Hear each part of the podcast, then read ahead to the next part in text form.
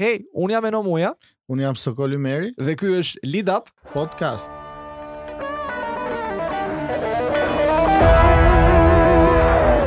Përshëndetje, përshëndetje, përshëndetje të dashur dëgjues. Jemi sërish bashkë me Kolin në episodin e tretë të Lead Up Podcast. Përshëndetje të dashur dëgjues. Episodi i radhës sot është i fokusuar në praktikat profesionale. Do të flasim sot me Jonida Lamaj, program menaxher pranë Fondacionit Shqiptar Amerikan për Zhvillim, ku një nga projektet që trajton pikërisht praktikat profesionale është projekti MIP. Mirë se erdhe Jonida. Mirë se ju gjeta. Kënaqësi e veçantë. Jam pranë Kolit, pranë Enos me një temë që është shumë e dashur për mua, tema e praktikave profesionale në një format po aq interesant siç është ky podcast. Po po, ne nuk vëmë asgjë, asgjë të shëmtuar, ne i zgjedhim i kombinojmë. Është super gjetje, edhe ju përgëzoj shumë për këtë iniciativë, pasi besoj që do të jetë një fillim i mbarë, po është në rrugën e duhur, dhe pse jo, mund të jetë një model që ne mund ta replikojmë dhe në programe të tjera, sepse ADF-ja, Fondacioni Shqiptar Amerikan për Zhvillim, ka portofol projekte shumë të larmishëm të gjërë dhe ky mund të jetë një program shumë i mirë edhe për pjesën e shpërndarjes së informacionit edhe promovimit të paketave tona në projekte. Patjetër, në fakt thelbi i podcastit në esencë të saj ne kemi thënë dhe vazhdojmë ta rithemi që është promovimi i vlerave, ndër të tjera dhe aktiviteteve nxitjes së angazhimit qytetar. Sikurse e tham sot do të flasim për praktikat profesionale. Na fol pak shkurtimisht për programin Master dhe Internship Dhe prej sa vitesh vijon zbatohet në mënyrë të suksesshme ky program? Programi i Masterit dhe Internshipit në Shtetet e Bashkuara të Amerikës është një program që ka 5 vite që zhvillohet në Shqipëri. Programi i Masterit është cikli i studimeve master në Shtetet e Bashkuara, 2 vite program apo 1 vit në varësi të fushës së studimit dhe është kryesisht për ata studentë të cilët kanë përfunduar studimet e larta në Shqipëri apo në rajon dhe kanë deri në 2 vite eksperiencë pune mbas mbarimit të shkollës, aplikojnë pranë programit të masterit në ADF. Ky është një program që në fakt menaxhohet me anë të një partneri tonë ndërmjetës në Shtetet e Bashkuara të Amerikës që quhet American Council dhe është një nga programet le të themi më masive që ka Shqipëria sepse në nivelin e bursave që ofron, jo vetëm mbulimit të saj 100% të kostove të shkollimit në Shtetet e Bashkuara, kostot e jetesës, apo çdo detaj tjetër që ka të bëjë me procesin e aplikimit edhe përzgjedhjes në universitetet në Amerikë, përveç anës le të themi financiare që është i mbuluar 100%, nga ana tjetër ka le të themi mundësitë e vendeve për të përfituar një bursë janë shumë më të larta se çdo lloj programi tjetër që ofrohet i ngjashëm uh-huh në Republikën e Shqipërisë. Kështu që për sa i përket oportuniteteve janë të shumta dhe patjetër mbulimi financiar pasi është një program që çdokush nga ne do të dëshironte ta kishte realizuar në jetë dhe ku ka më mirë të sponsorizuar në Shtetet e Bashkuara në universitete që mund të jenë Ivy League apo Tier 1 pra të rankuara të top rankuara siç janë Universiteti i Harvardit, Princeton, Yale, MIT e me radhë, çdokush do të dëshironte si për vete apo për fëmijët tanë. Ky programi është vërtet elitar shumë i mirë, shkojnë talentet që ka Shqipëria dhe dalin me rezultate maksimale. Do të bëj një batutë të Kolit, a kthehen prapë?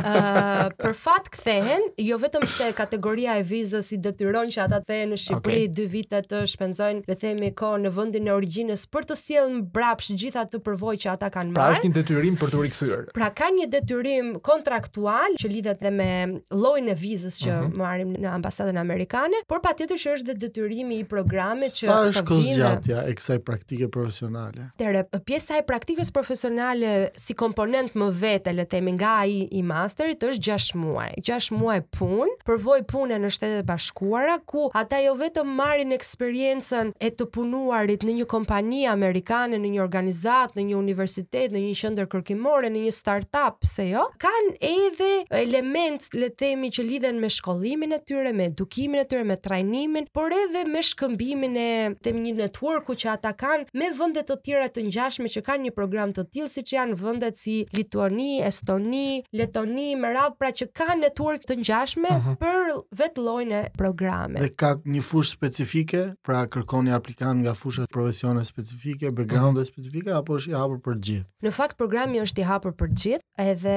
këtu unë do doja që të gjithë dëgjuesit në fakt meqë thirrja është ende e hapur deri me datë 31 mars për programin mhm. e praktikës profesionale në Shtetet e Bashkuara, do t'i ftoja shumë që ata të aplikonin. Deadline është i ngjashëm si për masterin edhe për internshipin, pra po data 31 mars ta merrin seriozisht sepse për shkak të vendeve që ofron ky program, pra të shumta në numër, oportuniteti është shumë i lartë që ai që aplikon me një fokus të mirë, me një aplikim të mirë, me një research paraprak, mm -hmm. vërtet mund t'ia dalë dhe mund të jetë fitues. Kemi pasur ndër breza persona që kanë thënë, po aplikoj një herë se s'i dihet themi e fatit dhe shanset fat. dhe nuk është çështje shansi, është çështje se sa personi e, po. e, angazhohet e ka merituar mm -hmm. dhe për sa kohë është një program shumë kompetitiv në kuptimin që vlerësohet më i miri në top list patjetër e përfiton. Për sa kohë që më të mirët janë vlerësuar dhe kanë merituar programin, sot janë uh, alumnit tanë të suksesshëm. Ka një precedent suksesi, tashmë të konsoliduar, mund të themi. Patjetër, patjetër. Jonita na tregon diçka më shumë lidhur me sa praktikantë planifikon AADF-ja që të dërgojë në Amerikë këtë raund aplikimi. Ti e ceke pak çështjen që më të suksesshmit, por me një numër konkret në nuk përmend. Besoj se edhe ata që na dëgjojnë kanë një mhm. interes në këtë drejtim. Programet janë masive dhe unë e përmenda edhe pak më parë, që do të thotë programi i praktikës profesionale në Shtetet e Bashkuara, ne çojmë mesatarisht 20 veta në vit. Në vit 20 wow. veta në vit. Nga Shqipëria praktikë profesionale në po. Shtetet e Bashkuara. Dhe është një numër i konsiderueshëm. Absolutisht po. jashtëzakonshëm për një vend të vogël si Shqipëria. Nëse e ndajmë vitin në pjesën e parë 6 mujorin e parë çojmë 10 të parët dhe 6 mujorin e dytë 10 të dytën në total 20 në vit dhe për 5 vite që ka programi shkon mesatarisht te 100 përfitues të, të këtyre bursave që është një numër pra kemi uh, sot 100 të rinj të cilët kanë kryer paktën 6 muaj praktikë profesionale në pra një kompani amerikane do të mos sukses me institucion amerikan dhe jo institucion çfarëdo ato përzgjidhen nga partneri e vërtetë por është një proces Edhe ai shumë shumë objektiv sepse mundohet që të përputhë kërkesat e vet personit. Ndoshta do të ishte me interes disa emra kompanish ose institucionesh ku fellows kanë bërë praktikat e tyre pa për të dëgjuar, për të kuptuar dhe për të bërë një lidhje më konkrete. E, e bizneseve. Mund të përmend emra të mëdhenj siç është Skanska, një kompani ndërkombëtare në fushën e le të themi inxhinierisë së inxhinierisë të ndërtimit, inxhinierisë së mjedisit e me radhë, është gjigant, ndodhet në Europë, ndodhet në Amerikë. Kemi Plug and Play që është një kompani ndër më të mhm. famshme të inovacionit me qendër si në Kaliforni dhe në në New York, por ka edhe hapur dhe zyra së fundmi në Europë. Kompani të tjera që janë të specializuar në fushën e financave, mhm. kompani të dedikuar në fushën e, e arkitektëve, kemi patur shumë prurje edhe nga, nga ky zhanër, patjetër që nuk lihen mënjanë dhe qendrat kërkimore pranë universiteteve, që besoj që çdokush e gjen veten, mm -hmm. qoftë në tipologjinë e kompanisë, pra që mund të jetë një kompani e vogël, mund të jetë një korporatë, mund të jetë një qendër kërkimore, mund të jetë një organizatë jofitimprurëse, mund të jetë një startup, mund të jetë një universitet. Prandaj është i larmishëm. Dhe në fakt termi praktikë profesionale duket sikur e limiton pak pjesëmarrësin më shumë të shikojë, të analizojë gjëra, të trajnohet dhe të marrë. Është një punë e mirëfilltë. Mm -hmm. Ai paguhet njësoj si gjithë personat e tjerë në kompani, ka një përshkrim pune, ka një job description të detajuar, ka një shef, ka një supervizor që i kërkon llogari dhe ka një vlerësim performance në fund të 6 muajve. Për ta thënë pak, e mëson notin në det. Exact. Pra, shkon atje dhe nuk është një praktikë në pishinë, po të hedhim në detin e asaj kompanisë amerikane.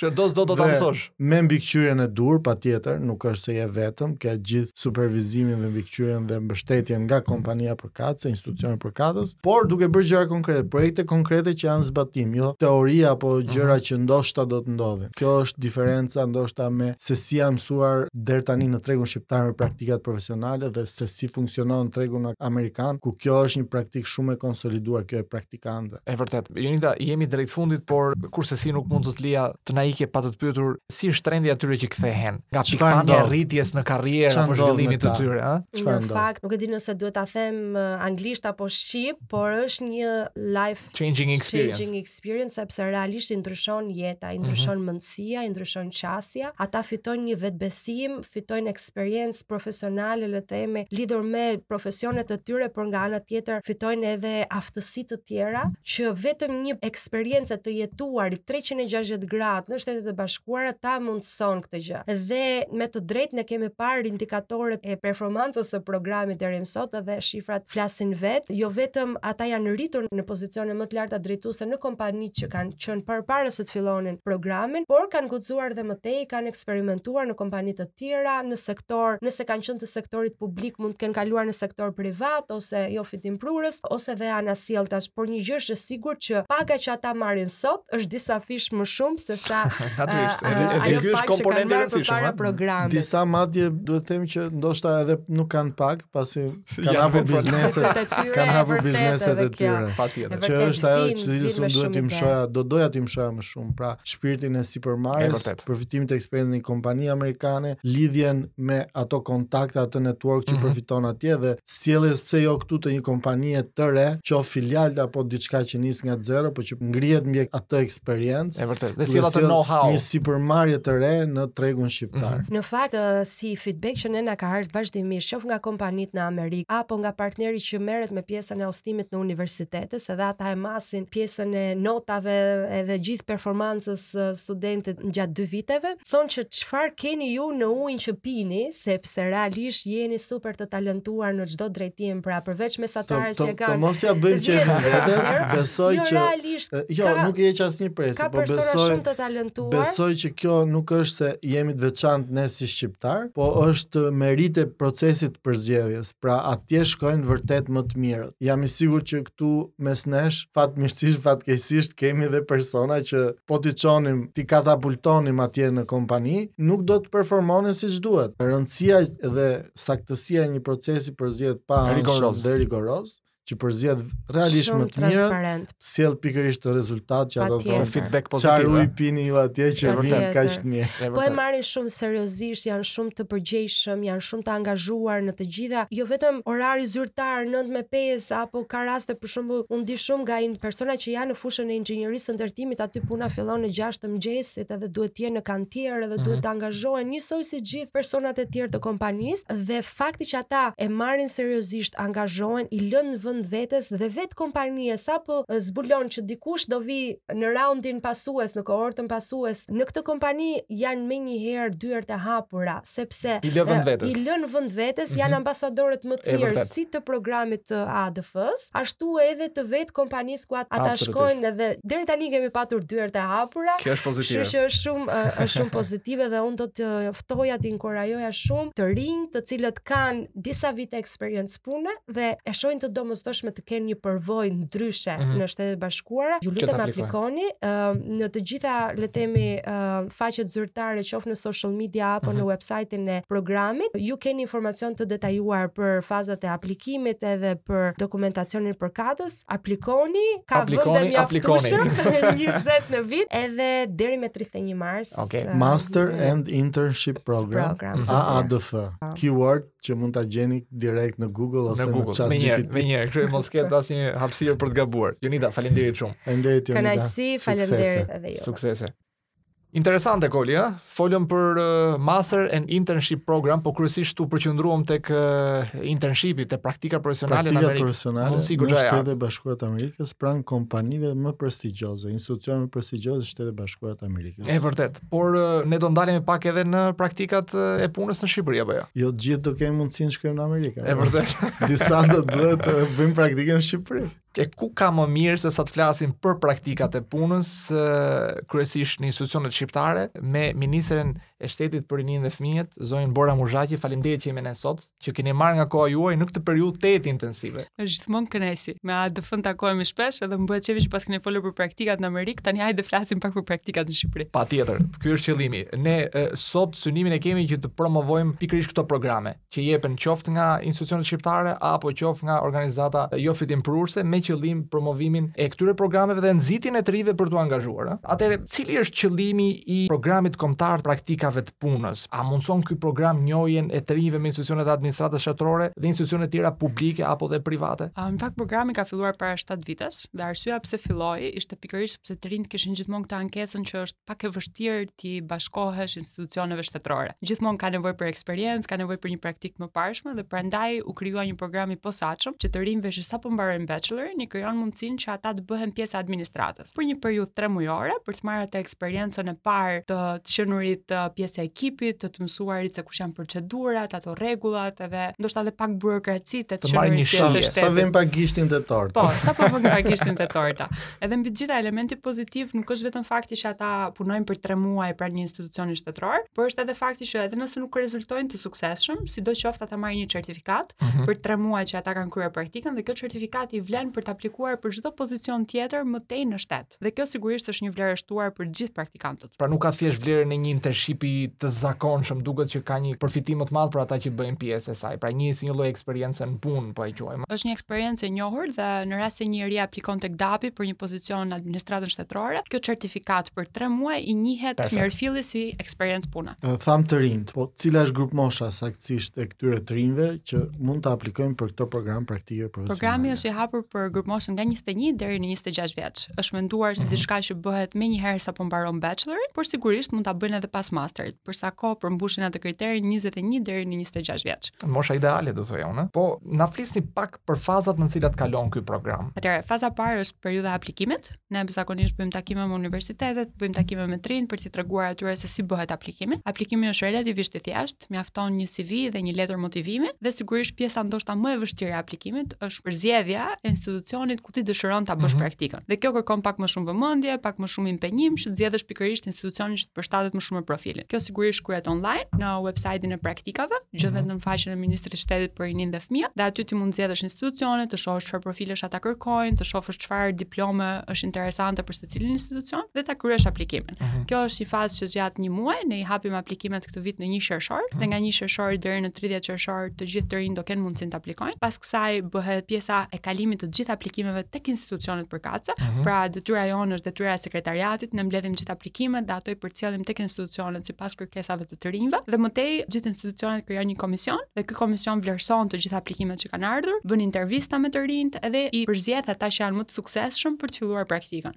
Duhet thënë që jemi relativisht fleksibël sepse dëshira jonë e madhe është që të rinjtë ta kenë mundësinë e një eksperience pune. Kështu që në ndryshim nga skemat e tjera që ndoshta janë targetuara për ekselentët, uh mhm. -huh. në këtë rast ne nuk e kemi kriterin e notës. Që do të thotë edhe një njeri që ndoshta nuk ka dalë shumë shumë mirë me studime në bachelor, e ka mundësinë që të aplikojë dhe ta tregojë veten nëpërmjet intervistës. Dhe pasi përfundon pjesa e përzgjedhjes, të gjithë institucionet kalojnë tek ne si sekretariat, personat që janë përzgjedhur, ne më tej bëjmë njoftimin e tyre dhe ata fillojnë praktikën në shtator. Vjet e kemi kryer 12 shtator me 12 dhjetor, sivjet po synojmë një shtatorin me një dhjetorin, për të krijuar atë 3 mujorin dhe për të filluar atë kontratën e mirëfilltë të punës që ata marrin, sepse më duhet të theksoj që nuk bëhet fjalë vetëm për 3 muaj praktikë. Ata që rezultojnë të suksesshëm, që marrin vlerësimin pozitiv nga eprorët e tyre, ata marrin një kontratë njëvjeçare. Është e rëndësishme ta theksojmë dhe këtë detaj. Dhe sepse... në fakt çdo vit ne kemi 200 kontrata që janë në dispozicion të të rinjve për institucionet shtetërore. Por ndërkohë praktika nuk ndalet. te shifra 200. Janë 200 pozicione me kontrata uh mhm. -huh. një vjeçare, ku ti ke çdo mundësi të mundshme për të treguar veten, për t'u bërë pjesë e stafit dhe mbi të gjitha për të qenë konkurrues edhe kur të aplikosh nesër pasnesër për një pozicion tjetër në administratën uh mhm. -huh. shtetërore. Por risia në fakt që do doja të shtoja, ne e kemi bërë dy vitet e fundit do ta bëjmë dhe sivjet, është përfshirja e shoqërive tregtare dhe organizatave jofitimprurëse si pjesë e skemës. Pra jo vetëm institucionet kjo, publike. Në fakt kjo do ishte edhe pak pyetja ime. Ju e përmendët tani edhe pak më parë në procesin e aplikimit që të rinjtë zgjedhin institucionin. Kush është gama e institucioneve? Kush janë institucionet ku ata mund të zgjedhin dhe janë, ju e thatë, jo vetëm publike, por tashmë edhe private në vitet e fundit dhe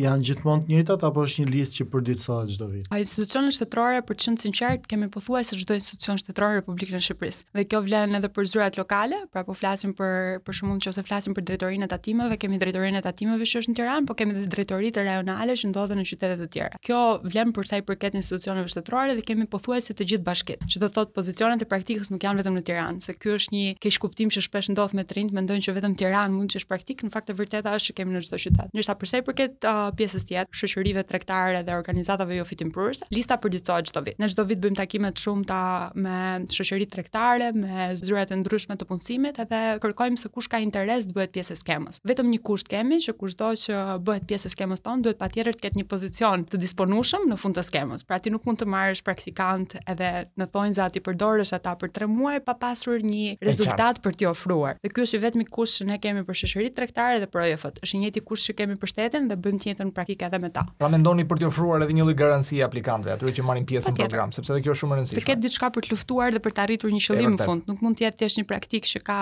fokusin 3 muaj punojmë dhe pastaj nuk kemi diçka për të synuar në të ardhmen. Çfarë këshille do t'i jepnit të rinjve? Ah, unë jap një këshillë që e jap gjithmonë ndoshta edhe nga eksperienca personale. Duhet patjetër të aplikosh, sepse nëse nuk aplikon, shanset që të fitosh janë zero. Kështu që hapi i parë është të aplikosh. Humbja është në xhep themi ne. Mm. Fiks kështu, humbja është në xhep, po rekrutuesit përgjithësisht, por edhe shefat e burimeve njerëzore kalojnë diku te 1 minutë për CV. Edhe të kalosh 1 minutë për CV do të thotë që ajo CV-ja jote duhet të ketë diçka që të të bëjë përshtypje që të mhm. kesh mundësinë ta vlerësosh. Prandaj edhe për të rinjtë unë gjithmonë unë kam lexuar shumë CV dhe shumë letra motivimi gjatë kohës time si ministre dhe kam kuptuar që ndonjëherë të rinjtë nuk i vënë rëndësinë e duhur letrës së motivimit. Dhe letra e motivimit, siç thonë anglezët dhe amerikanët shpesh, duhet të jetë e targetuar për vendin e punës mhm. që ti kërkon. Dhe kjo mendoj që ka ende vend për punë. Prandaj të rinjve, aplikimi është gjysma punës, gjysma tjetër është të përgatisësh një CV të mirë dhe një letër motivimi të mirë. Edhe të mos besojnë këto parajgjikime që nuk ka vende pune. Dhe për ta theksuar këtë, dua t'ju them që vjet ne kishim 1700 pozicione. 1700 pozicione. Dhe realiteti, realiteti i trishtë është që nuk arritëm t'i mbushim të gjithë pozicionet e lira që kishim. Dhe kjo ndoshta edhe për shkak të mungesës së aplikimeve nga të rinjtë, kështu që për këdo që mendon që nuk ka vende, e vërteta është krejt ndryshe. Interesante shumë. Vende ka dhe shpresojmë që sivjet aplikimet të jenë më të larta. Besojmë këtë vit që po. përmend edhe në podcastin tonë. Sa po të dëgjohet podcasti do të jeni siguruar. Shpresojmë që po. Sa tjetër. Në fakt, ne mendoj se i prekëm të gjitha ato tema pak a shumë që kanë të bëjnë me, me programin, po ajo që do donim të ndanit e, me ne, është ndoshta edhe disa nga eksperiencat se si priten të rinjtë në institucionet publike. e si priten ata. Sigurisht e vë veten në vendin e tyre, ëh Koli me emocionet e para nuk e di si funksionon ai terren. Po, është një i ri sa ka mbaruar shkollën, shkon në një administratë, sidomos administrata publike që ka gjithmonë pak atë të rëndë. hijen e rëndë E në vërtet. perceptimin publik, ndoshta jo kudo, jo në çdo drejtori, ministri apo institucion, bashki etj.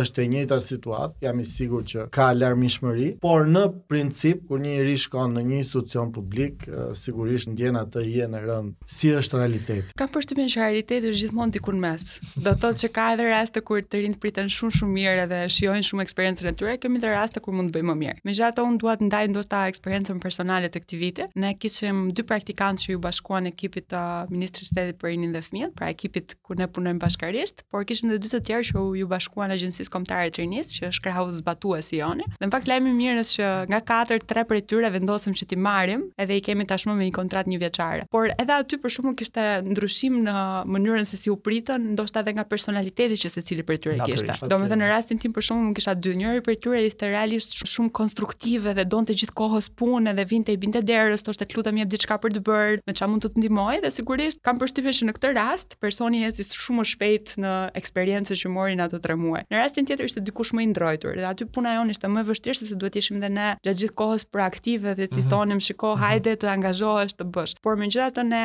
në fakt me gjithë kolegët edhe me Ministrinë e Drejtësisë për shembull dua ta përmend specifikisht sepse ka qenë një nga rastet tona të suksesit. Të gjithë të rinjtë aty janë mikpritur në çdo departament që kanë marrë pjesë dhe janë asistuar edhe nga kolegët më me eksperiencë. Megjithatë çfarë unë i them gjithmonë kolegëve ministra apo edhe kolegëve drejtues në institucione të ndryshme, është që t'i mikpresësh të rinjtë për një praktikë është gjëja më e vogël që ne mund të bëjmë për ta. Edhe qoftë sado pak punë që t'i japësh një praktikanti për ta është një eksperiencë shumë e vlefshme. Edhe është një investim për ta. Është investim, edhe është diçka që në fakt gjithmonë më shumë po bëhet e rëndësishme. Edhe ne kur punësojmë të rinj, patjetër që një praktikë ka një internship, një eksperiencë gjëkundi, sigurisht që ty të krijon një ide më të mirë për ta. Megjithatë, pavarësisht kësaj, çfarë dua të ndaj është ne bëmë një anketë në fakt sivjet, ishte hera parë që bëmë një anketë. E bëmë me të gjithë praktikantët e vitit të shkuar dhe i pyetëm se çfarë mund të përmirësonim. Dy ishin komentet që ata thanë që ne mund të përmirësonim, sepse pjesa më e madhe e kishin shijuar shumë eksperiencën. Elementi i parë ishte që ata donin një pagesë për internshipin dhe kjo është diçka që për të qenë të sinqertë nuk e kemi pasur deri më tani dhe po mendojmë se si mund ta përfshijmë dhe se si mund ta bëjmë pjesë të skemës. Dhe e dyta është që kishin kërkuar të kishin më shumë punë. Dhe kjo ishte një nga kërkesat që në fakt të binte në sy shpesh herë, që në disa departamente nuk kishim arritur t'i angazhonim plotësisht. Nuk, nuk është e thjeshtë në fakt që në 3 muaj të arrish të marrësh dikë nga jashtë, ta bësh pjesë të organizatës tënde mm. dhe të jetë funksional në tërësinë e tij, pra në të gjithë kohën, në gjithë kapacitetin. Varet shumë nga departamenti. Patjetër, ka mm. departamente që mund të jenë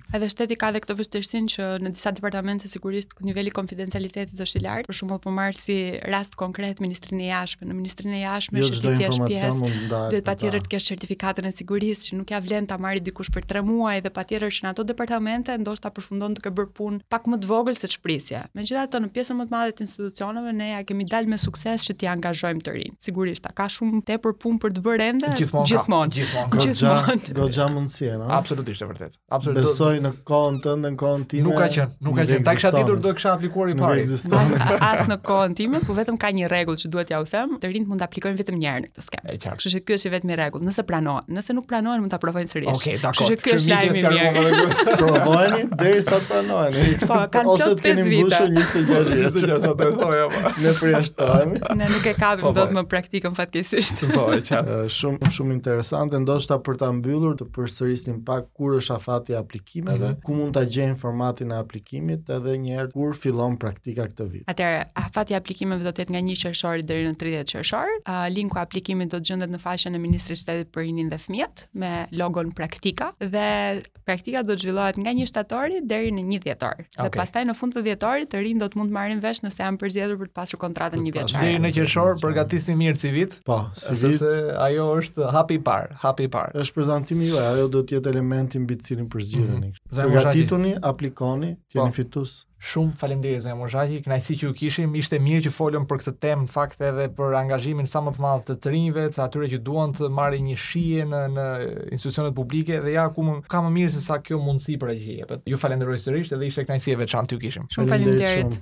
Mirë, do të do të kalojmë tani nga uh, programi i praktikave të punës. Folëm për ato që ofrojnë kryesisht institucionet publike. Do flasim tani se si një shoqëri, një shoqëri e madhe në tregun shqiptar, ka qasje ndaj këtyre praktikave dhe si e madhe dhe, dhe inovatore, sepse ka ndërtuar disa nga programe inovatore në fushën e praktikave dhe të bashkëpunimit me pjesën e të rinjve dhe pjesën e formimit nga ana akademike të të rinjve. Mm -hmm. Kemi mes nesh zonjën Anis Abazi nga Deloitte Albania. Përshëndetje. Anis, mirë se na erdhe. Faleminderit që jeni sot. Kënaqësi. Ju jeni menaxhere në departamentin e konsulencës për shërbimet në fushën e kapitalit njerëzor. A keni marrëdhënie bashkëpunimi me universitetet për praktikat e detyrueshme? E nisim nga kjo pyetje. Okay. Ndoshta shumë nga ata që na dëgjojnë e dinë përgjigjen. Pse termi kapitali njerëzor dhe jo burime njerëzore. Okay. Ka një shpjegim për këtë. sepse ne tashmë gjithmonë flasim për burimet njerëzore, burimet njerëzore, por në fakt tani me automatizimin, me teknologjinë, shumë prej profesioneve janë duke u bërë nga teknologjia dhe tani jemi duke kthyer fokusin tek njerëzit. Kështu që të flasësh thjesht burime njerëzore është shumë pak. Reduktuese. Kurse kur flet për kapitalin njerëzor është një koncept më i gjerë që përfshin çdo element. Nuk vret veshin direkt, është diçka. Përfshin çdo element. Një vlerësim më tepër. Një vlerësim më tepër. Domethënë ne nuk i quajmë punonjësit tanë thjesht punonjës, por i quajmë mhm. talente. sepse ata janë për ne talente që na mundësojnë dhe çojnë përpara biznesin tonë. Kështu që kjo është arsyeja sepse ne referohemi kapital njerëzor, pra është më shumë se sa thjesht burime, mm -hmm. është përtej asaj çfarë çfarë shikohet. Dhe si është si është gjenerimi i këtyre talenteve në raport me universitetet, pra lidhur me praktikat e detyrueshme. Okej, okay, tani, praktikat e detyrueshme, le të themi që pjesa më e madhe e bizneseve, sepse ne kemi dhe bashkëpunim edhe me bizneset përveç asaj çfarë ne si Deloitte bëjmë, shumica shpesh e shikon si fiktive, sepse bizneset nuk janë të përgatitur titur, vërtet për të pasur një intern për ta marrë dhe për ta qasur në ambientin e punës ashtu siç duhet. Nuk është e lehtë. Nuk është e lehtë. Kërkon eksperiencë, kërkon eksperiencë dhe kërkon që uh, biznesi në momentin aty ku punonjësi do atashohet, të jetë i përgatitur për këtë. Pra ti nuk mundet që thjesht të vijë një student si praktikant dhe ti ta lësh atë që të qëndrojë aty në qoshen e vet dhe të presësh që ai të bëjë thjesht atë dy javshën apo një muaj orën e praktikës, meqenëse është e detyrueshme, ka dhe kredite, kështu që janë të detyruar dhe studentët që ta bëjnë. Dhe kjo kërkon më shumë efforts nga ana e bizneseve. Kërkon që ata vërtet të ulen, ta menaxhojnë, ta strukturojnë njëlloj siç marrin një person në punë, njëlloj të bëjnë edhe një program onboarding të mirëfilltë dhe për ata që do vinë si intern qoftë edhe për dy javë. Pse vjen kjo? Sepse sot ne jemi duke u hasur me faktin që shumë njerëz janë duke u larguar nga Shqipëria dhe ka mungesë kapacitetesh apo mungesë njerëzish në tregun e punës. Atëherë bizneset duhet të ndryshojnë pak mënyrën e tyre ku qasen studentëve, mhm. sepse çfarë ndodh? Në qoftë se ti vjen në një biznes dhe ti shikon që aty ti kalon 2 javë apo 1 muaj dhe ti nuk mëson asgjë. Nesër, nëse ti shikon një vend pune, ti nuk do vish më tek ajo kompania sepse ti do thuash që ok, unë isha aty, pashë çfarë ndodhte, ata nuk u investuan tek unë, pse duhet unë të shkoj përsëri aty. Dhe prandaj duhet ndryshimi i qasjes. Pra duhet kujdes kur bizneset mhm. hapin, kur bizneset praktika hapin, duhet të jenë të përgatitur sepse mund t'ju kthehet mbrapsht në një marketing negativ. Në marketing negativ. Për biznesin e tyre. Kështu që duhet onboarding të jetë shumë i mirëorganizuar. Si funksionon sot uh, tek Deloitte mhm. pjesa mm -hmm. e onboarding e përthithjes së të rinjve në praktika dhe më pas si e shihni ju duke qenë se ju jeni mm -hmm. vetë në këtë treg edhe ofroni edhe shërbime, sa e shihni tek bizneset e tjera përgatitjen për këtë gjë. Përveç momentit që ne hapim aplikime për punë, që sigurisht që ato janë të mirëorganizuara dhe çdo gjë tjetër, ne në Deloitte kur dikush do që të vijë të bëjë një praktikë mësimore tek ne, ne nuk themi asnjëherë po, pa parë dhe pa analizuar gjendjen. që do thotë, ne shikojmë profilin e kandidatit dhe themi në qoftë se ky kandidat është i përshtatshëm në departamentin e taksave, ne pyesim departamentin dhe në qoftë se ata kanë kapacitet, nënkupton që të vijë, të kenë një person në rolin e një buddy që ta ndihmojë, ta suportojë, t'i shpjegojë se si funksionon puna, që pas dy javësh ky person apo pas një muaji të ketë mësuar diçka. Pra ne nuk marrim asnjëherë njerëz në qoftë se ne nuk kemi kapacitetet për të alokuar. Po sa janë mundësitë në fakt që një nga këta praktikantë të fitojë një vend pune pranë Deloitte? Në Deloitte janë shumë, sepse ne rekrutojmë në mënyrë të vazhdueshme. Domethënë ne minimalisht rekrutojmë 100 studentë të ri çdo vit. Kështu që ka hapësira, aq më tepër që tregu është duke u rritur, duke u zgjeruar, ne po bashkëpunojmë shumë edhe me zyrat e tjera jashtë Shqipërisë. Kemi skuadrën e re të Deloitte Digital që merret komplet me pjesën IT, kështu që mhm. janë futur shumë projekte dhe programe të reja për punësim. Sigurisht që ka konkurrencë, tjetër, por ne jemi duke funksionuar shumë edhe me akademi biznesi. Pra, në qoftë se më përpara të gjitha bizneset, jo vetëm Deloitte, po flas në përgjithësi duhet të jenë pak më të zgjuar në mënyrën se si rekrutojnë sot dhe se si u përqasen studentëve sepse ti nëpërmjet një akademie biznesi, në dy javë ti mundesh që të marrësh të rekrutosh 20 studentë dhe t'u thuash që në dy javë ju do mësoni çdo gjë rreth biznesit që ne ofrojmë. Pra do keni trajnime për një ditë ose dy ditë për taksa, dy ditë për audit, dy ditë për këshillimin financiar, dy ditë për një departament tjetër dhe nëpërmjet ushtrimeve, aktiviteteve të ndryshme dhe ti aty edhe u jep studentëve informacion, pra që ato të shikojnë çfarë bën vërtet taksa, çfarë bën audit, se kanë dëgjuar nga kolegë që u duket interesante, por në fakt mund të mos e dinë fare se çfarë vërtet bëjnë. Dhe ti nëpërmjet kësaj mënyre edhe u jep diçka, por edhe të shikon kush të vlen, nga ata dhe ti mund t'i rekrutosh. Identifikon talentet. Identifikon talentet dhe ti i rekruton pastaj dhe ti e ke më të thjeshtë sepse i ke parë vërtet se si ata ndërveprojnë. Mm -hmm. Pra uh -huh. shikon aftësitë e buta sepse sot pjesën pjesën më të madhe po e marrin aftësitë e buta. Po i themi aftësitë e buta sot ka ndryshuar termi dhe është bërë people skills. Pra të menduar në mënyrë kritike, inovacioni, aftësia për të punuar mirë në grup, sepse aftësitë teknike një student që sapo vjen, patjetër që do ja mësojë një person që ka më shumë eksperiencë. Ne duam njerëz që të jenë fleksibël, të jenë të aftë për t'u përshtatur në vendin e punës. Çdo mhm. biznes uh -huh. ja mëson vetë, nuk është se pret njëri që kur merr një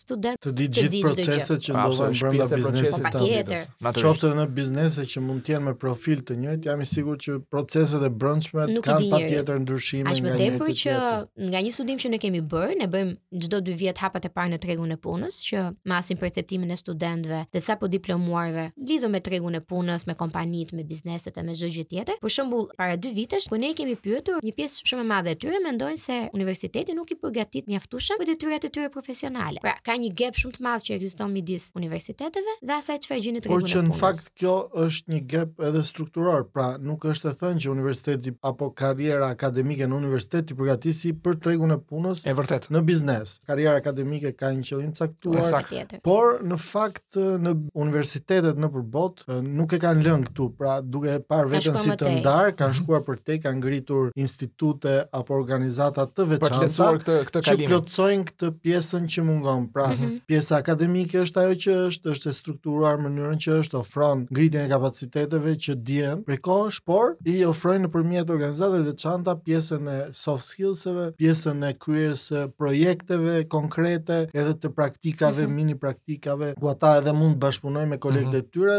në mënyrë që kur të mbarojnë në të njëjtën kohë që plotësojnë karrierën akademike, plotësojnë edhe aspektet e tjera që u nevojiten për të qenë konkurrues në tregun e punës mm -hmm. edhe eficient sa më shpejt pranë bizneseve që do të fillojnë. Për këtë do thoja dy elementë. E para për shembull ne si Deloitte kemi dy mastera. Dy mastera profesionalë që i kemi në bashkëpunim me Fakultetin e Ekonomisë. Njëri është master profesional në financë, kontabilitet dhe auditim, dhe tjetri është në teknologji informacioni dhe menaxhimi i sistemeve të biznesit. Dhe çfarë ndodh? Këto dy master pikërisht për këtë qëllim janë ndërtuar. Profesionistët tanë shkojnë dhe japin mësim. Pra, përveç pedagogëve që mbulojnë anën teorike, profesionistët tanë mbulojnë anën praktike. Dhe kjo është një gjetje shumë e mirë që ne e kemi parë dhe na ka ndihmuar shumë sepse studentët që janë pjesë e këtyre mhm. programeve aplikojnë tek Deloitte dhe dinë se çfarë ne bëjmë. Që kjo mhm. është një një element shumë i mirë. Një gjë që ka ndryshuar është që tashmë dia nuk është më monopoli vetëm e universiteteve. Sot shumica e studentëve mësojnë edhe në mënyrë të pavarur. Domethënë kemi Udemy-n, kemi uh, LinkedIn Learnings, kemi Harvard Training, domethënë ka shumë platforma të tjera që ti mund të futesh dhe të mësosh si soft skills edhe hard skills. Natyrisht. Kështu që nuk është më monopol thjesht i universiteteve, duhet edhe universitetet të upgrade-ohen pak më shumë në këtë drejtim. Jemi drejt fundit, megjithatë, meqenëse po flisnim për Deloitte-in, cila është tipologjia e praktikantëve që do ishin me interes për t'u punësuar pranë Deloitte? Ne duam studentë. E bëj këtë pyetje po, sepse po, janë shumë ata që na dëgjojnë dhe mirë do ishte që të kuptonin diçka më shumë edhe lidhur me pse jo, të ardhmen e tyre të punësimit pranë Deloitte. Në Deloitte ne nuk presim që studentët të dinë çdo gjë. Ne duam njerëz që kanë dëshirë për të punuar, kanë dëshirë për t'u përshtatur dhe mjafton që të jenë të gatshëm për të mësuar, për të qenë fleksibël, për t'u përshtatur, për të folur, për të sjellë idetë e tyre, pra për të mos qenë ta shohin thjesht si punë, por ta shikojnë më tepër se thjesht punë, ta shikojnë si një investim që ato janë duke mhm. bërë për jetën e tyre, për avancimin e tyre në karrierë. Në qoftë se ata e shikojnë këtë gjë, të gjitha benefitet pastaj vijnë, sepse viti i parë i punës për këdo është investim nga ana e kompanisë. Duhet përkushtim, duhet përkushtim. Nëse nuk përkushtohesh, aq më pak do përfitosh dhe vetë. Pikërisht, sepse në Deloitte i kanë të gjitha, domethënë kanë sistem performance, kanë sistem onboarding. Është pjesa shumë e mirë e trajnimit. Domethënë në Deloitte kemi këtë modelin 70-20-10. Në 70% ti mëson në punë, me punë të vazhdueshme projekte, 20% ti mëson nga ndërveprimet me kolegët, feedbacku që ti merr që ne e kemi shumë të rëndësishme dhënien e feedbackut për përmirësim, dhe 10% janë nga trajnimet, të cilat janë platformë shumë e madhe. Kështu që kushdo i ri që mendon se do të rritet dhe të zhvillohet profesionalisht, Deloitte është vendi i mundësive do ta quaja vërtet, sepse ne pjesa më e madhe e stafit tonë në 80% e tyre është mosha 22 deri në 27 vjeç. Kështu që kanë një vend ku do gjejnë veten e tyre dhe kolegë të ngjashëm, kështu që është shumë e qartë. Anis, të falënderojmë shumë për këtë bisedë. Shumë faleminderit për kësaj bisede dhe mesazhet që përcolle. Ishte kënaqësi, faleminderit për ftesën. Dhe suksese. Faleminderit. Ok, ka ardhur një moment po prapë aq interesant sa kur e nisëm këtë episod apo jo Koli. E nisëm me Master in Internship Program, Me atë po, do e mbyllim. Praktikat profesionale të qeverisë shqiptare, mësuam nga biznesi se si Deloitte trajton dhe bashkëpunimet që bën me universitetet, me biznese të tjera. Tani po bëj si një full pre... circle. Kalojmë prapë te master në internship program. Të shohim nga ana atyre që e kanë përjetuar këtë program. Përjetojnë këto praktika, eksakt. Si kanë pritur, çfarë kanë përfituar, kush do të ishin sugjerimet për ata, ata që, që do të vinë. Patjetër. Kemi Loreta Hysa, ish MIP Fellow gjatë vitit 2021-2022 apo jo. Ja. Mirë se na erdhe. Mirë se ju gjeta. Po bëhen gati 2 vite pas mbarimit të eksperiencës tënde në New York, në Amerikë. Çfarë do të veçoje ti gjatë asaj përvoje? Eksperienca ime mua më pëlqen ta quaj pak më unike se të tjerët. Ashtu, ha? Po na, na intrigove tani nga të gjithë. Sepse kam bërë diçka, kam bërë diçka që nuk ekziston ende në Shqipëri, prandaj. Okay. Unë punoj në fushën e marketingut dhe kompania ku unë punova prodhoi për të parë një produkt që ndihmon të verbrit të navigojnë. Dhe puna ime ishte të bëj marketing për njerëzit që kanë uh, shikim të kufizuar ose janë verbër. Kështu mm -hmm. që në perceptimin tim ishte një gjë që nuk më ishte dashur të mendoja kurrë dhe nuk e dija që mund të bëhej dhe ekzistonte. Por ka qenë shumë shpërblyese në aspektin profesional si eksperiencë. Do na tregosh diçka më shumë se me vërtet na intrigove tani. Si ishte qasja jote për këtë marketing? Uh, unë lexova pa fund, uh, kam patur shumë fat nga ana tjetër sepse duke qenë uh, në fazën kur unë shkova produkti prototip para se të dilte në treg, vetë kompania nuk ka qenë po them shumë e strukturuar, edhe kisha fatin që të isha shumë afër grupit që punonte, të isha në takime me organizatat më të mëdha në Amerikë që punojnë uh, me njerëzit me shikim të reduktuar. Por përveç se kam lexuar shumë pafund, kam marrë dhe shumë gjëra gati nga profesionistët e fushës, kam mësuar sa lloje verbërie ka që në injorancën time të mëparshme mund të ishin një ose dy, ndërkohë që shkojnë edhe në 20. Kështu që kam kam mësuar shumë në këtë drejtim, mhm. prandaj më pëlqen ta quaj unike. Nëse do të na thoni pak për procesin kthehemi mbrapa pak tek procesi i aplikimit edhe përzgjedhja e kompanisë ku ju zhvilluat praktikën. Si e përzgjodhët, kush ju informoi apo ju mbështeti gjatë kësaj faze? Kishe ndihmë? Gjithmonë ka ndihmë. Dhe kur mendojmë që nuk kemi ndihmë, kemi marrë ndihmë që më parë dhe na ka ngelur në subkonshiencë. ne kemi marrë nga menaxherët e projektit një listë me kompani, cilës i jemi referuar, por atëherë dhe në dijeninë time ende janë të hapur për sugjerime për kompani të tjera që pranojnë këto kushte bashkëpunimi. Unë kam dashur që kompania ime të mos jetë një kompani e madhe, të ishte një startup ose kompani e vogël, sepse kam gjykuar që duke qenë një eksperiencë gjashmujore, do ishte mirë të shmangeshin ca burokraci që ndodhin në kompanitë e mëdha. Sigurisht që dhe eksperienca atje vlen për gjëra të tjera, por në rastin tim unë doja të ishte kështu. Uh, gjë tjetër që unë kam vlerësuar kur kam zgjedhur kompaninë ka qenë lokacioni. Do doja shumë të ishte në New York sepse puna para se të nisesha ishte një to-do list për çfarë uh, doja të bëja, jo vetëm profesionalisht, kështu që u plotësuan gjitha kushtet edhe okay. isha atje. Ëndrra amerikane u bë realitet.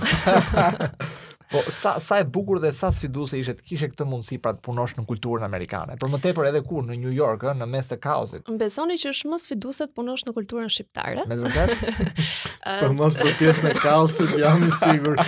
Kultura amerikane sigurisht edhe kultura e punës është shumë kapitaliste, por është edhe shumë shpërblyese, edhe nga ana tjetër vlerëson shumë eficiencën. Mbase ka ndikuar dhe fakti që unë isha në një startup, por gjithsesi një pjesë shumë e mirë e botës dhe pjesa më zhvilluar, është uh, drejt uh, javës së punës me 4 ditë, uh, rreth mënyrës punës hibride nga shtëpia dhe nga zyra, që janë koncepte që janë ende pak aliene në tregun tonë të punës, por për këto unë jam ndjerë shumë mirë dhe do doja shumë që disa koncepte t'i kalonim edhe në Shqipëri. Dhe jam përpjekur ta bëj dhe në kompaninë time.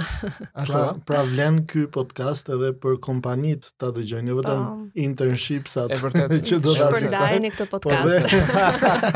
Dhe kompanitë të dojnë, duhet të dëgjojnë mesazhet që vijnë sepse mund të përfitojnë ide të reja se si mund të përmirësojnë eksperiencën. Mhm. Sidomos në fushën e marketingut është shumë e rëndësishme që njerëzit të jenë sa më kreativ, sa më të freskët, të kenë mundësi të mendojnë, sepse në përditshmëri ne na ndodh që nuk kemi mundësi të analizojmë gjithë informacionin që marrim gjatë ditës. Unë e theksoj që në departamentin tonë marketingut, kompaninë ku unë punoj, jemi departament pak më i llastuar se tjerët dhe mua më pëlqen besoj që ka ndikuar dhe eksperienca ime. Po patjetër. Gjatë eksperiencës së internshipit në Shtetet e Bashkuara në kompaninë ku ju ishit, mund të na ndash kush mund të ishte një moment më i vështirë apo Disa nëse ka pasur dhe si i tejkaluat? Në kompani ka patur momente vështirësie sepse unë isha e vetmja që kisha një background të tillë, po them, me një mungesë informacioni në fushën ku ata operonin, por që është kaluar lehtësisht, mund ta gjykoj, ndërsa vështirësi tjetër që nuk lidhet me anën profesionale, ka qenë që unë kam kërkuar rreth një muaj rresht për banesën time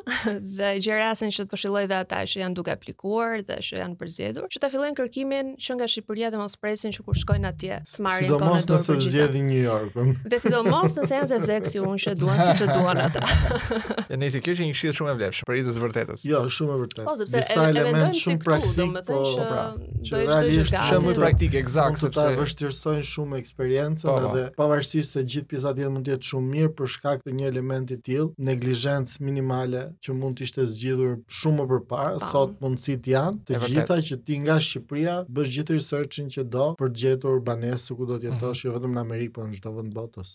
Po sidomos në Amerikë dhe sidomos në New York, Esa. Informacioni sot në internet është pafund. Loreta, po jam kurioz, mendoj se dhe ata që na dëgjojnë mund ta kenë këtë kureshtje. Si ishte të përshtateshe me jetesën atje? 6 muaj, ha? Vjen nga Shqipëria, menjëherë katapultohesh në një nga në një shoqëri me përzgjedhjen tënde, ti fillon aty këtë internshipin, ndërkohë ke këto problematika që ti përmende, të gjesh shtëpinë, të përshtatesh te flavori, këtë shijen duam në na na. Marketing do të restorantin që do të tash ndonjëherë. Unë do të them diçka që pavarësisht se këtë vit, sidomos këtë vit, ata që përzgjidhen duhet të përgatiten edhe për inflacionin. Në shumë gjëra, New Yorku, që është një nga qytetet më të shtrenjta në botë, ka qenë ndoshta edhe më lirë se sa Tirana për produkte të caktuara, për shërbime të caktuara. Kështu që këtë pjesë unë e kam shijuar. Nëse Pastaj... s'ju del rroga, mund të shkoni në New York. Mund të shkoni në New York, nëse nuk e dilni dot në Tiranë. jo, këshillë tjetër është është shumë normale që në një ambient të ri, ndoshta të fillojmë të ndihemi jo mirë, por Fatmirësisht janë mekanizmat mbrojtës që vetë organizmi ynë ka dhe ne duhet të mësohemi që diçka e tillë po ndodh sepse ka ndryshuar ambienti. Ta pranojmë realitetin, pra kemi zgjedhur që të shkojmë në vend të ri, ta pranojmë që jemi në një vend të ri, mos mm -hmm. kërkojmë gjërat që kishim në realitetin ku ishim më parë. Shumë filozofike dhe shumë e vërtetë. kjo është besoj ai triggeri që Po, unë jam mësuar të kem një jetë relativisht komode në Tiranë, kështu që disa komoditete nuk i kisha, por jam shumë e lumtur që i kam shkëmbyer me shumë gjëra të tjera që nuk i kam në Tiranë. Kjo eksperiencë, MIP, Master dhe Internship, programi i internshipit pranë Fondacionit Shqiptaro-Amerikan për Zhvillim në Shtetet e Bashkuara, ka dhe një komponent edukimi pjesë të tij. Kush ishte përzgjedhja juaj në këtë komponent? Unë kam zgjedhur një program në Los Angeles që lidhet me marketingun e filmave dhe marketingun e personazheve publike. Industria e filmit nuk është ende shumë e zhvilluar në Shqipëri, është çdo vit më mirë, por sigurisht ende jo në nivelin e Hollywoodit. Kështu që përveç um, aspektit kulturor në gjithë studiot ku prodhohen filmat, ka shërbyer shumë edhe për t'u përgatitur për diçka që është në zhvillim e sipër në Shqipëri. Unë e shikoj edhe në profesionin tim. Çdo vit ka përmirësim në propozimet që na vijnë për marketingun e filmave, qoftë mënyra si shkruhen, qoftë nga ana financiare, por ka ende shumë për të bërë. Um, Mund ta filloni me ndonjë podcast Dhe podcast është një ide shumë e mirë amerikane që ju e keni përshtatur shumë mirë. Faleminderit, faleminderit shumë. Mos na bëj tani të skuqemi. Sa mirë që jemi pa video. Okej, jemi drejt fundit, po me thënë të drejtën mendoj se kjo është një pyetje që tregon pak edhe për impaktin që ka programi. Për ty vetë si ka ndikuar programi pasi mbaroi. Më kanë thënë të gjithë që kur jam kthyer kam qenë shumë e qetë. Ka ndikuar për Vazhdon dukesh e qetë. Nuk e ke humbur efektin akoma. po, është efekt që zgjat në fakt edhe janë disa koncepte që vërtet zgjasin. Unë jam ende në kontakt me kompaninë që kam punuar atje, produkti është në shitje. Kam zgjeruar tregun tim të punës si freelancer në marketing përveç kompanive ku jam full time le të themi. Ndodh diçka me vendet si Shqipëria që ne kemi shumë miq të shpërndarë shpesh nëpër botë dhe ndodh që vë gishtin në hartë dhe kam gjithmonë një derë të hapur. Në mhm. New York nuk kisha. Kështu tani kam shumë zemra dhe dyer të hapura në New York. Shumë pozitive, mesazhe shumë të bukura. Aplikoni, që aplikoni, të aplikoni zemra dhe dyer në botë. Shumë interesante. Interesante. Eh, Loreta, faleminderit shumë. Ishte bisedë shumë e këndshme, unë e shijova, Koli. Realisht shumë e këndshme, sidomos për ta mbyllur gjithë ciklin e vitit të emisionit dhe mesazhet që u dhanë. Shumë faleminderit për prezencën tuaj në podcastin tonë. Dhe urojmë që dhe ata që na dëgjojnë të kenë marrë ca këshilla shumë të vlefshme. Fillojnë t'i planifikojnë çik gjërat, mos i lëmë për minutën e fundit. Jam gati të ndaj listat e mia me këdo që interesohet, ADF-ja ka këtë praktikë që i lidh alumnit, por mbetemi gjithmonë të hapur. Patjetër, faleminderit për gatishmërinë tënde për të ndihmuar gjithë ata që do kenë dëshirë të aplikojnë. Okej, Koli, kemi arritur në fund, a? Erdhi fundi dhe i këtij episodi, por do të ridëgjohemi. Patjetër, në episodin e radhës. Deri atëherë, mirudëgjofshim.